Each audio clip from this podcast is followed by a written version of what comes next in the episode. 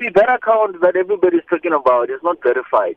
So it's difficult to say with certainty that it's her account. I we've not been able to speak to her since Friday, ever since those tweets came out.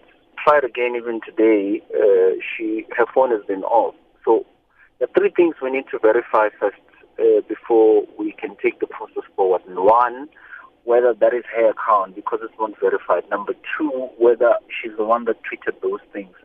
Number three, whether if it's her that tweeted she takes responsibility for those tweets, as in she stands by them. Then we can use the social media policy of the department to take the process forward. But until we establish the authenticity and the veracity of those tweets, it's difficult for us to move forward. So we're still trying to uh, determine whether this is a account and whether she's the one that tweeted. I'm sure you've heard of people being hacked on social media, uh, even if uh, they've got accounts. So uh, none of those things have been uh, established as yet.